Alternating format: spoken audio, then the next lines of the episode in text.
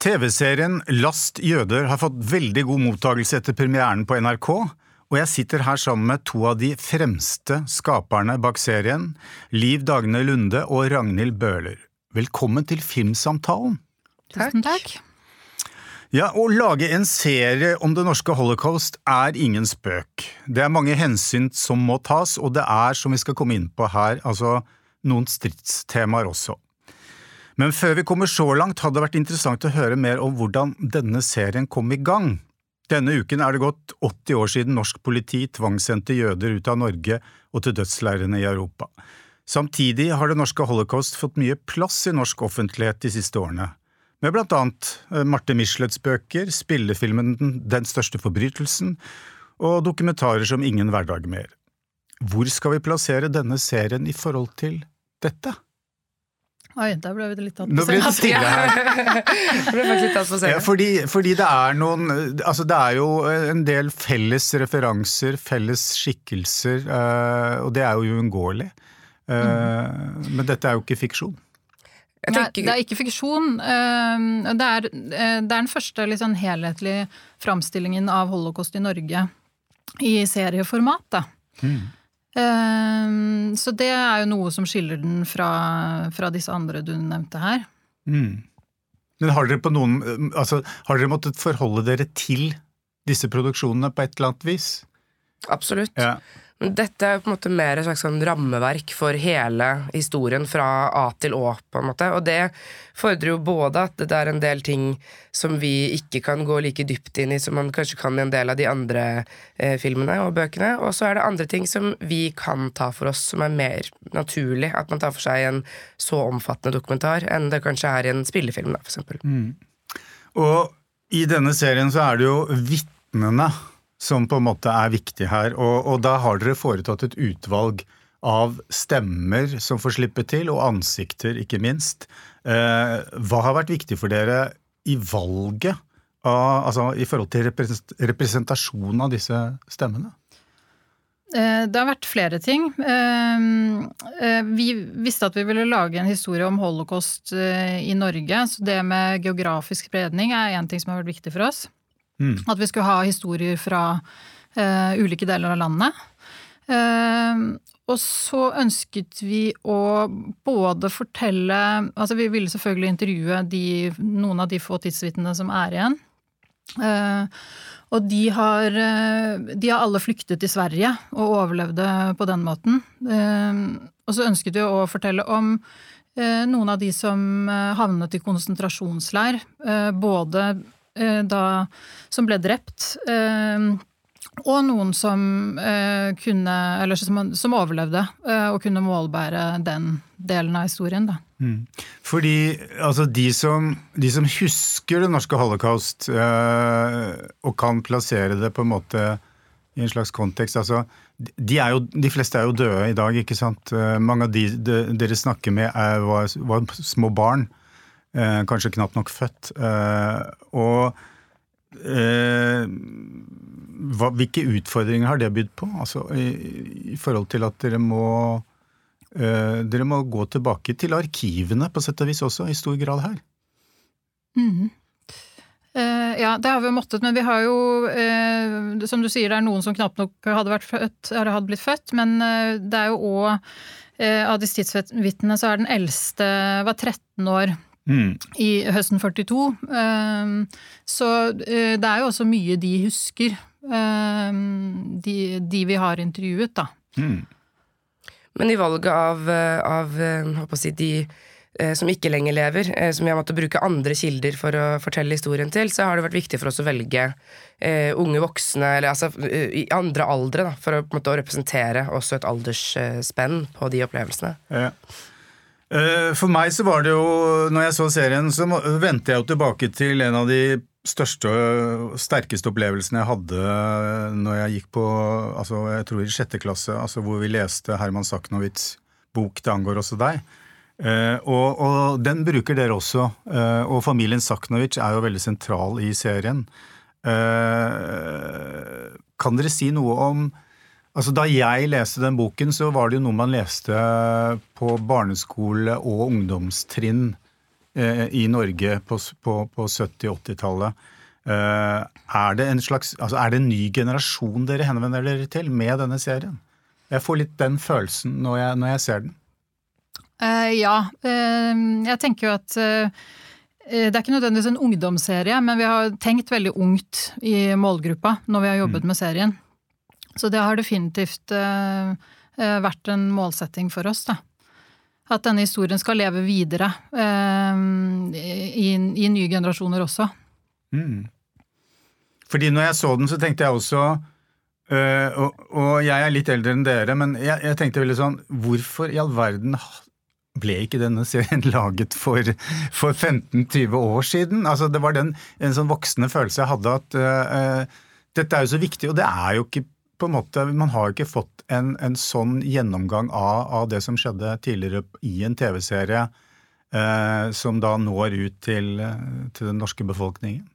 Eh, dere har sikkert gjort dere noen tanker om det, dere òg? Eh, ja, det er jo noe man absolutt kan stille seg spørsmålstegn ved. Det er, ja. Da vi eh, liksom la fram denne serien for NRK, så var jo det også en av kommentarene vi fikk, eller fra flere egentlig. Hvorfor har ikke dette blitt laget før? Mm.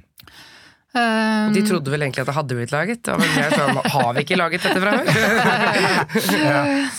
Men jeg vet ikke om det har Det har vel vært en eller annen form for modningsprosess. Eh, det er jo ikke så lenge siden man fikk denne her offisielle beklagelsen mm. Eh, i, altså gjennom Jens Stoltenberg. Eh, det var i 2012. Mm. Og så har vi hatt disse altså, ja, Marte Michelets bøker. Det har kommet Altså Bjarte Bruland har bidratt. Det er liksom Det er noen ting som har skjedd opp igjennom, som kanskje har ført til en modningsprosess. På 90-tallet hadde vi også dette eh, Skarpnes-utvalget, eh, eh, som igjen førte til eh, opprettelsen av HL-senteret. Og ja, et sånt slags restitusjonsoppgjør, da, hvor man mm. tok, uh, tok, tak i noe av, de, noe av, den uretten som var blitt gjort mot jødene. Så, og, og mange, mange, mange, av de spørsmålene er jo fortsatt uh, litt betente, og det, det, kan vi komme tilbake på, til. Uh, uh, men når dere da har valgt disse stemmene og ansiktene som skal være med i denne serien, hvordan Altså Når man skal forholde seg til mennesker som har opplevd noe traumatisk, eller hvor traume på en måte går gjennom flere generasjoner, hvordan, hvordan jobber man for å få en tillit dere har jo vært helt avhengig av å få, få tillit, fordi det er så det er så vanskelig, altså komplisert materiale. Det, det, det, er så sterke følelser uh, knyttet til det. Kan dere si litt om det? Ja, altså vi uh, Dere har begge gjort research og arbeidet godt liv, i, litt i hverandre. Mm. Men, men uh, du, Liv Dagne, har hatt regifunksjon, og så har Ragnhild hatt arkiv og og manusfunksjon. Eh, mm. Så da jeg begynte, å, måte, eh, begynte, med å skrive manuset, så var jo alle intervjuene allerede gjort. Mm. Eh, så det ble jo gjort veldig mange intervjuer på veldig mange timer eh, hver. som da Liv Dagne og produsent Vanja Strømstad gjorde mm. i forkant. da. Så, ja, nettopp. Så, så, så, hun har også da vært viktig i forhold til det å altså Bare det å plassere et kamera foran noen og si 'snakk om holocaust' og dine egne opplevelser. Det, det, er et arbeid som må gjøres før det. For å på en måte at, at disse intervjuobjektene skal føle seg trygge. Hva, hva, hva slags grep tar man da, bortsett fra å være vennlig? Nei, altså vi, eh, vi, snakket jo med Det er sånn rundt 20 mm, tidsvitner som fortsatt lever i dag. Uh, og det tynnes jo stadig rekkene der. Men vi, vi, snakket med alle vi fikk tak i, uh, og hadde, hadde, en liksom lengre prosess på det. og så var det jo noen av disse som vi ønsket å gå videre med historien til. Eh, og da hadde vi jo Vi hadde en, uh, samtaler med dem. Møtte dem selvfølgelig liksom med, med, ydmykhet og respekt og forkunnskap og det man må. Mm. Og så var det litt sånn ulik, de hadde litt ulik tilnærming til det. Noen følte at de hadde kanskje allerede fortalt historien sin, og at, noe, at andre måtte slippe til. Og så var det noen som aldri hadde fortalt før. Som, og som måtte liksom få en nærmest tillatelse fra barn og familie og sånn. Om det var, er det greit at vår familie eksponeres på denne måten? Mm. Men så, så, er det vel noe med at alle eh, til syvende og sist syns det er så viktig, dette. Og de vet jo at de eh, Det er de siste igjen som har følt dette her på kroppen. Eh, så alle, det, var ingen som sa nei, da. nei, nettopp. Og det var jo også veldig mange av de som fortalte at det har kommet nærmere dem, altså minnene og sånn, jo eldre de har blitt. Altså at Det er jo litt sånn minnet fungerer, som årringer på et tre, på en måte. Og jo eldre du blir, jo mer husker du fra barndommen. Og det er jo klart at en del av disse traumatiske opplevelsene da også blir eh, sterkere for dem. Så veldig mange sa jo det at de nå følte at det var viktigere enn de kanskje hadde følt at det var eh, tidligere. Mm. No, noen kan fortelle med en slags letthet, mens andre ser du veldig tydelig på ansiktet og mimikken at dette er fortsatt traumatisk. Og det skaper jo en, en slags dramatisk spenning i, i, i, fortellingen også, kan man si. Og det er, som jeg var inne på, en del sensitive spørsmål knyttet til holocaust i Norge og, og nordmenns rolle. Og det har jo handlet om motstandsbevegelsen, og, og det har handlet om om litt andre ting, altså hvordan, hvordan nordmenn eh, altså oppførte seg. Og dere berører jo noe av dette, men dere lar det på en måte ikke eh, få så stor plass. Og, og, det er vel kanskje for å, at dette er, som du, dere sier, da, tidsvitnene. Det er vitnenes serie. Det er deres fortelling. Uh, men, men det handler, handler, det også litt om at, at det hører hjemme Dere synes at det hører hjemme i en annen, mer fordypende setting fordi det er komplisert? Eller er det fordi dere vil Altså at dette er for en, primært for en yngre generasjon? Og da skal man kanskje ikke gjøre det altfor komplisert. Jeg vet ikke, nå, nå, er det mange spørsmål jeg kommer med her, så dere får, får forsøke å svare. Ja. Altså Det jeg tenker vi kan si veldig tydelig, på en måte, er at vi har på ingen måte skydd unna de vanskelige eh, spørsmålene. Vi har brukt kanskje altså, eh, Det er noe av det jeg har brukt mest eh, tid på. Er mm. nettopp å på en måte finne ut av hvordan vi kan si noe om disse vanskelige problemstillingene. Men så er det også litt sånn at Eh, jeg visste ikke at dette feltet eh, var så aktivt som det er, men det er det. Altså, det har skjedd så mye bare de siste ti årene, eh, og de siste fem årene. Mm. Og man oppdager stadig på en måte nytt arkivet, som fordrer nye analyser av det gamle arkivet. Og det gjør på en måte at man stadig stiller nye spørsmål, som er gode spørsmål. Men det er ikke hele tiden at man på en måte har eh, enighet, bred enighet rundt svarene. Eh, og derfor så har vi også på en måte tenkt at når en serie skal vare en stund, og om den spesielt skal nå en yngre målgruppe, og det blir nok ikke laget en, eh, ny dokumentarserie, total dokumentarserie om Holocaust Norge med det første. Mm. Så da skylder vi på en måte også eh, de som ser på dette, å være helt sikker på at alt det vi eh, sier, er eh, på en måte bred enighet om. Mm. Rett og slett. Ja, og det er, det er verken en liksom, unison enighet blant historikere eller i det jødiske miljøet rundt disse tingene. Ja, nettopp. Så liksom det for oss å bare å skulle liksom eh, komme med et svar eh, tydelig svart på hvitt med to streker under, har, det har ikke føltes riktig, da.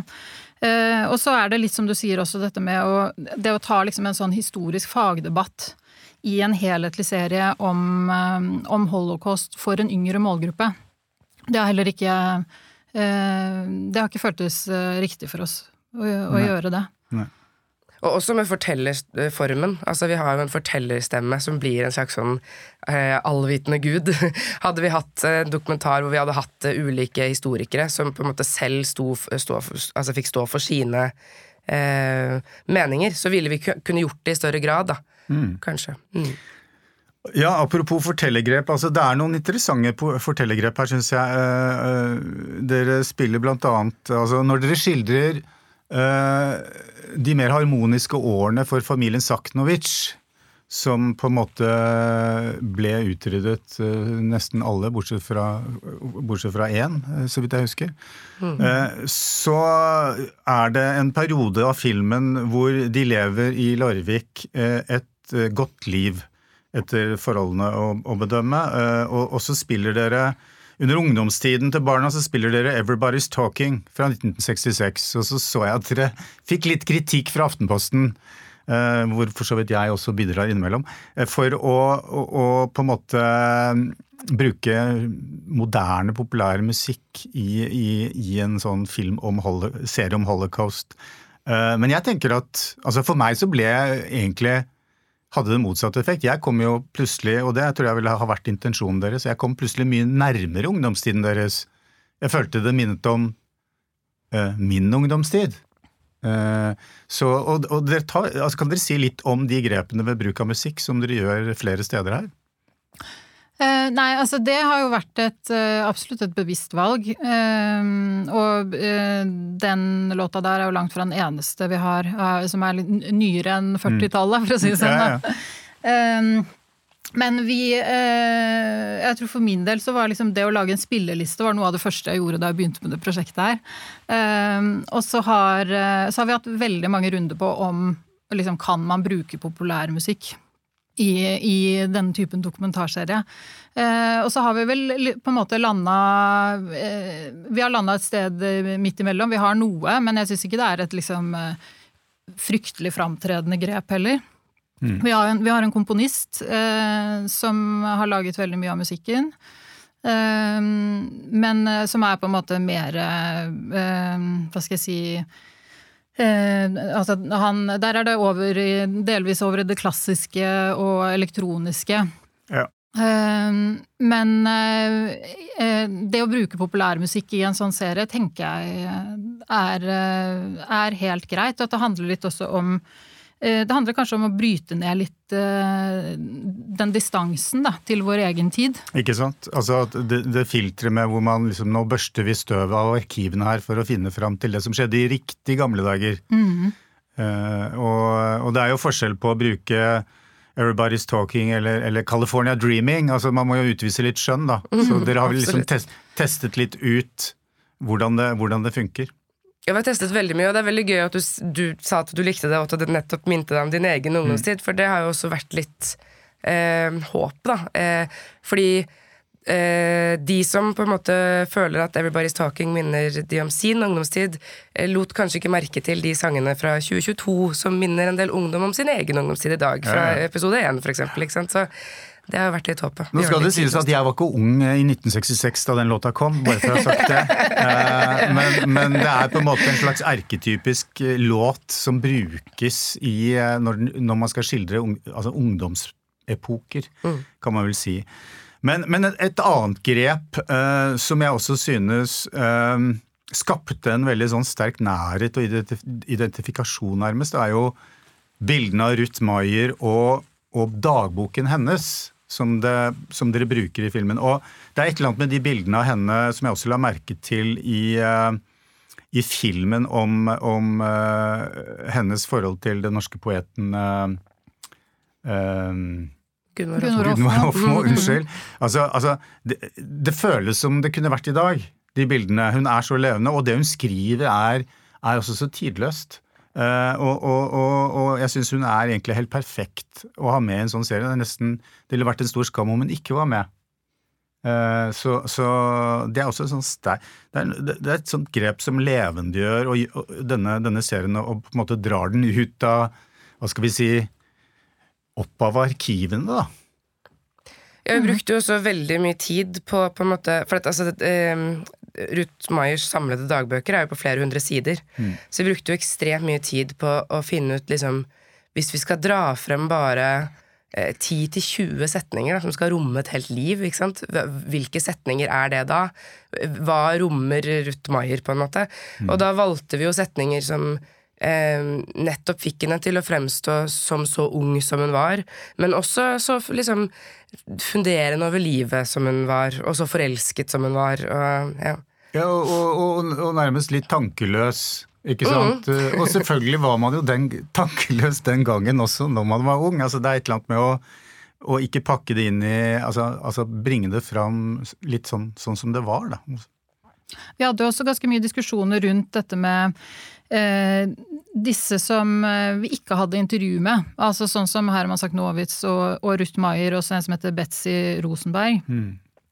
Eh, altså, eh, ville vi klare å på en måte blåse liv i dem, selv om vi ikke hadde et intervjuansikt eh, å hvile i? Så vi Ja, der diskuterte vi mye fram og tilbake hvor stor plass de skulle få lov til å få, da. Mm. Men vi har jo landet på å gi dem mye plass, og vi tenker jo at Ja, det du sier tyder jo litt på at det, det har funka, da. Mm. Altså, Noen dokumentarister er jo kjent for å skape en sånn sånn ekstra liksom, fortrolighet med intervjuobjektene. Altså enten det er liksom Errol Morris uh, bruker et bestemt kamera som kommer veldig tett på, og du har liksom Jeg husker Deja Khan har snakket om at hun, hun, hun, hun har kamera veldig tett på og jobber veldig med å skape en slags en sånn stor trygghet og, og, og fortrolighet mellom intervjuobjekt og den som intervjuer. Og jeg synes at det er den, den, fortroligheten er her også veldig ofte i, når dere intervjuer disse uh, tidsvitnene. Og dere var jo inne på det, uh, altså litt om hvordan dere har jobbet. Men, men jeg syns jo altså nærbildene blir jo utrolig viktige. Jeg har bare tenkt over det litt sånn etterpå at uh,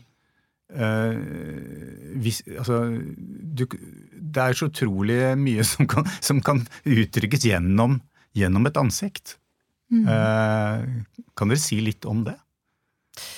Um, det, er ikke, det, er ikke, så lett å konkretisere nødvendigvis, for det går jo også mye på intuisjon fra filmskaperens side, tror jeg, men, ja. og hvordan man behandler mennesker. men... Uh, Eh, altså, gjennom nærbildet så har du jo liksom en Du har mer å spille på i historiefortellingen, selvfølgelig, gjennom den dynamikken. Eh, ved, du kan, altså, du kan jo forsterke det dramatiske eh, og personlige Eh, jeg tror nok for eh, Altså, i, i de intervjusituasjonene her, så er det jo eh, gamle mennesker, må være lov å si. Eh, og de, de, har jo vokst opp eh, i, på en tid da man kanskje ikke var så vant til å snakke om eh, nære ting, da. Mm. og mange av dem har en veldig sånn nøktern måte å formulere seg på. og kanskje heller liksom at de underspiller litt det dramatiske i sine egne historier. Da. Ja, og der kan jo nærbildet eh, komme godt med, nettopp for å forsterke den dramatikken. Mm. Dere allikevel, altså som dere er inne på, eh, mange av tidsvitnene er døde. Altså dere benytter dere av rekonstruksjoner. Og, og, kan du si litt om hva slags funksjon de skal ha? Fordi de, det er jo på en måte litt sånn for å få litt tidskoloritt, litt bakgrunnsfyll, men det skal på en måte ikke altså I hvilken grad skal det ha en dramatisk funksjon? Det eh, Noen ganger så syns jeg i, i, serier hvor man skal rekonstruere dramatiske hendelser, så, så noen tar jo helt av, mens andre er forsiktige. Altså dere, dere er vel sånn midt imellom, kanskje litt forsiktige? Uh, jeg tenker at vi er litt forsiktige, ja. Uh, jeg tenker at vi har et litt sånn fragmentarisk eh, uttrykk på rekonstruksjonene våre. Litt over i det abstraherte innimellom. Mm. Og at det eh, Det sier kanskje noe om den tilnærmingen vi har til det også, med at eh, eh, vi tenker jo ikke på en måte at vi kan eh, hva skal jeg si, fram, framstille et helt bilde, men at det er nettopp liksom, det er fragmenter av, eh, av noe større, da. Og så er det jo eh, Det jo, har jo vært eh, mye diskusjoner rundt hva man egentlig kan eh, billedlegge når det gjelder holocaust. Hva kan vi, hva kan vi Kan vi egentlig si noe som helst om holocaust? Hvordan, hvordan skal vi tilnærme oss det?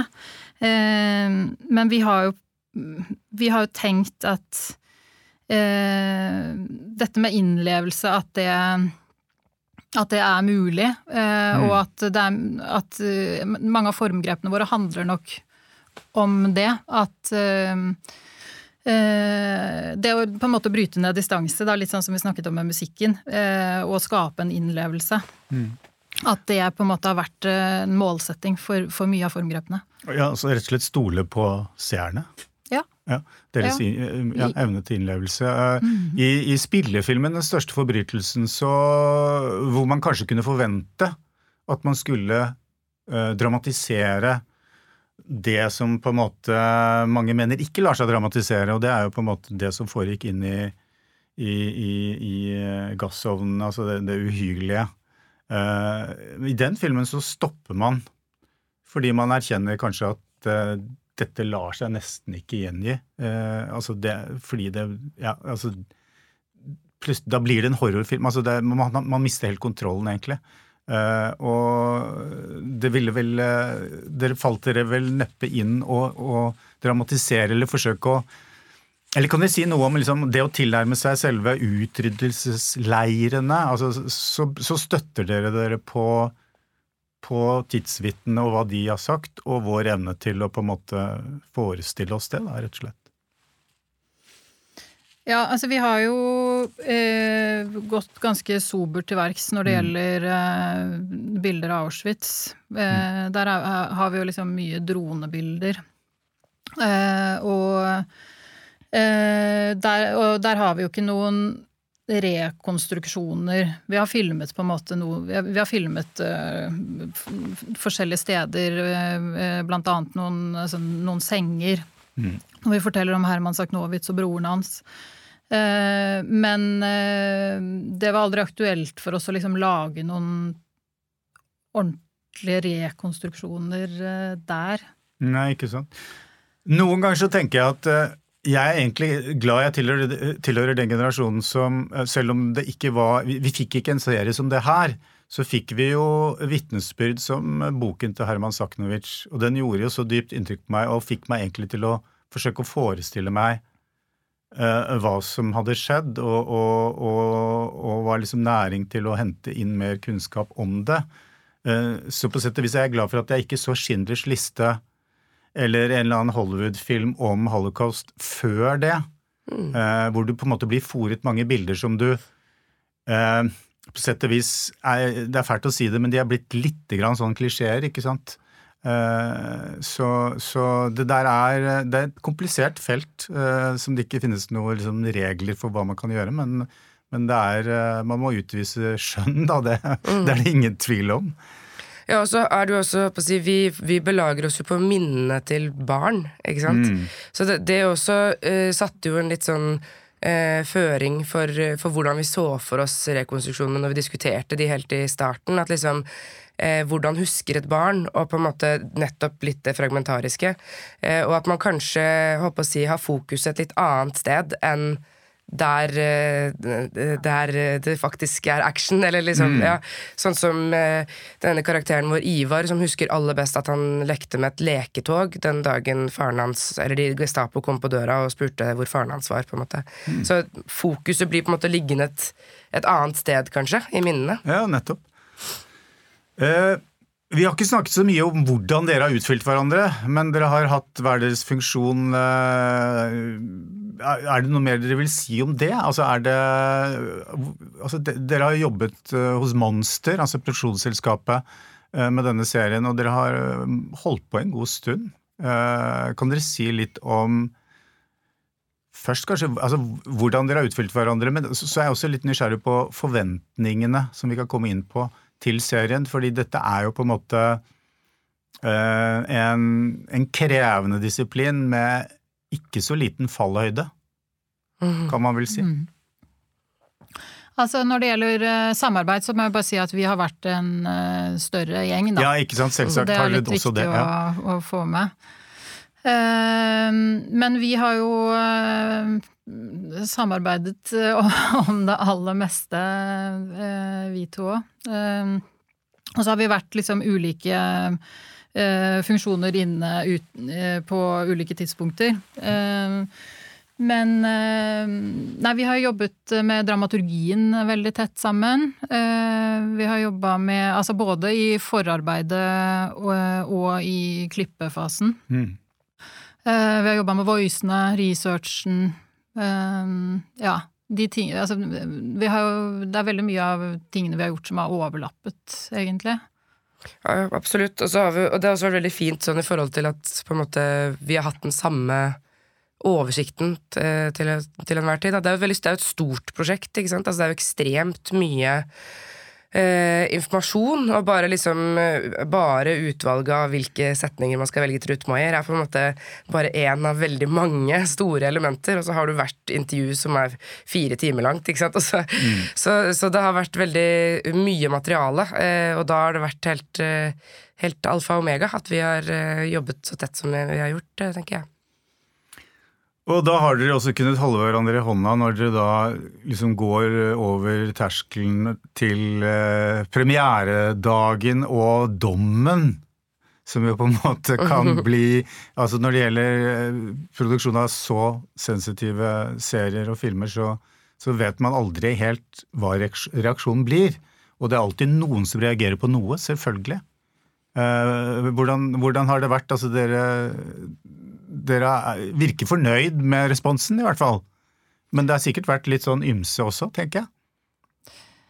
Ja, altså jeg tror i hvert fall underveis da vi arbeidet, så uh, har vi vært ganske gode på å liksom sette på litt skylapper og ikke forholdt oss så mye til det som ligger, venter der framme, da. Men uh, uh, nå er det ute i verden, og altså jeg, jeg syns det har vært øh, overveldende, egentlig, den responsen vi har fått.